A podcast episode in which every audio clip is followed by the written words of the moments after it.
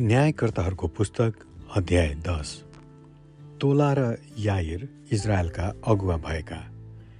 अभिमेलेकको पालोपछि इस्साकारको एकजना मानिस पुवाका छोरा दोदोका नाति एफ्राइमको पहाडी देशको सामिरमा बस्ने तोला इजरायललाई छुटकारा गराउनलाई खडा भए।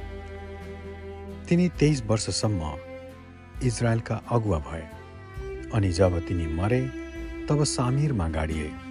तिनीपछि गिलादी याइर आए। तिनी बाइस वर्षसम्म इजरायलका अगुवा भए। तिनका तिसजना छोराहरू थिए जो तिसवटा गधामा सवार हुन्थे। गिलाद देशमा तिनीहरूका तिसवटा सहरहरू थिए जो आजको दिनसम्म पनि हवात याहिर कहलाइन्छ। याहिर मरेपछि तिनी कमोनमा गाडिए। अम्मोनीहरूले इजरायललाई सताएका।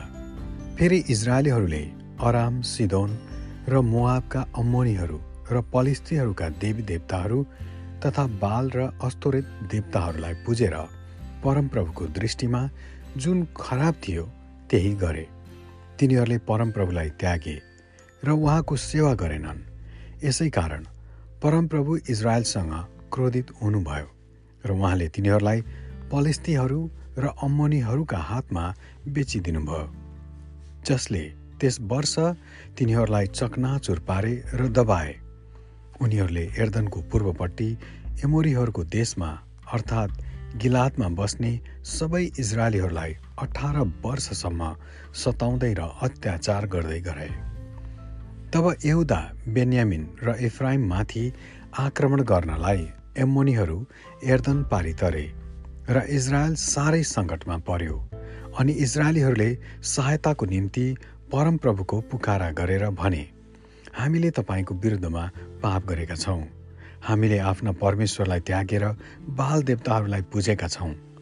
परमप्रभुले इजरायलीहरूलाई भन्नुभयो जब मिश्री एमोरी अम्मोनी पलेस्ती सिदोनी अमालेकी र मिद्यानीहरू सबैले तिमीहरूलाई अत्याचार गरे र तिमीहरूले सहायताको निम्ति मेरो पुकारा गर्यौ। तब मैले तिमीहरूलाई उनीहरूका हातबाट छुट्याइन र तर तिमीहरूले मलाई त्याग्यौ र अरू देवताहरूलाई पुज्यौ।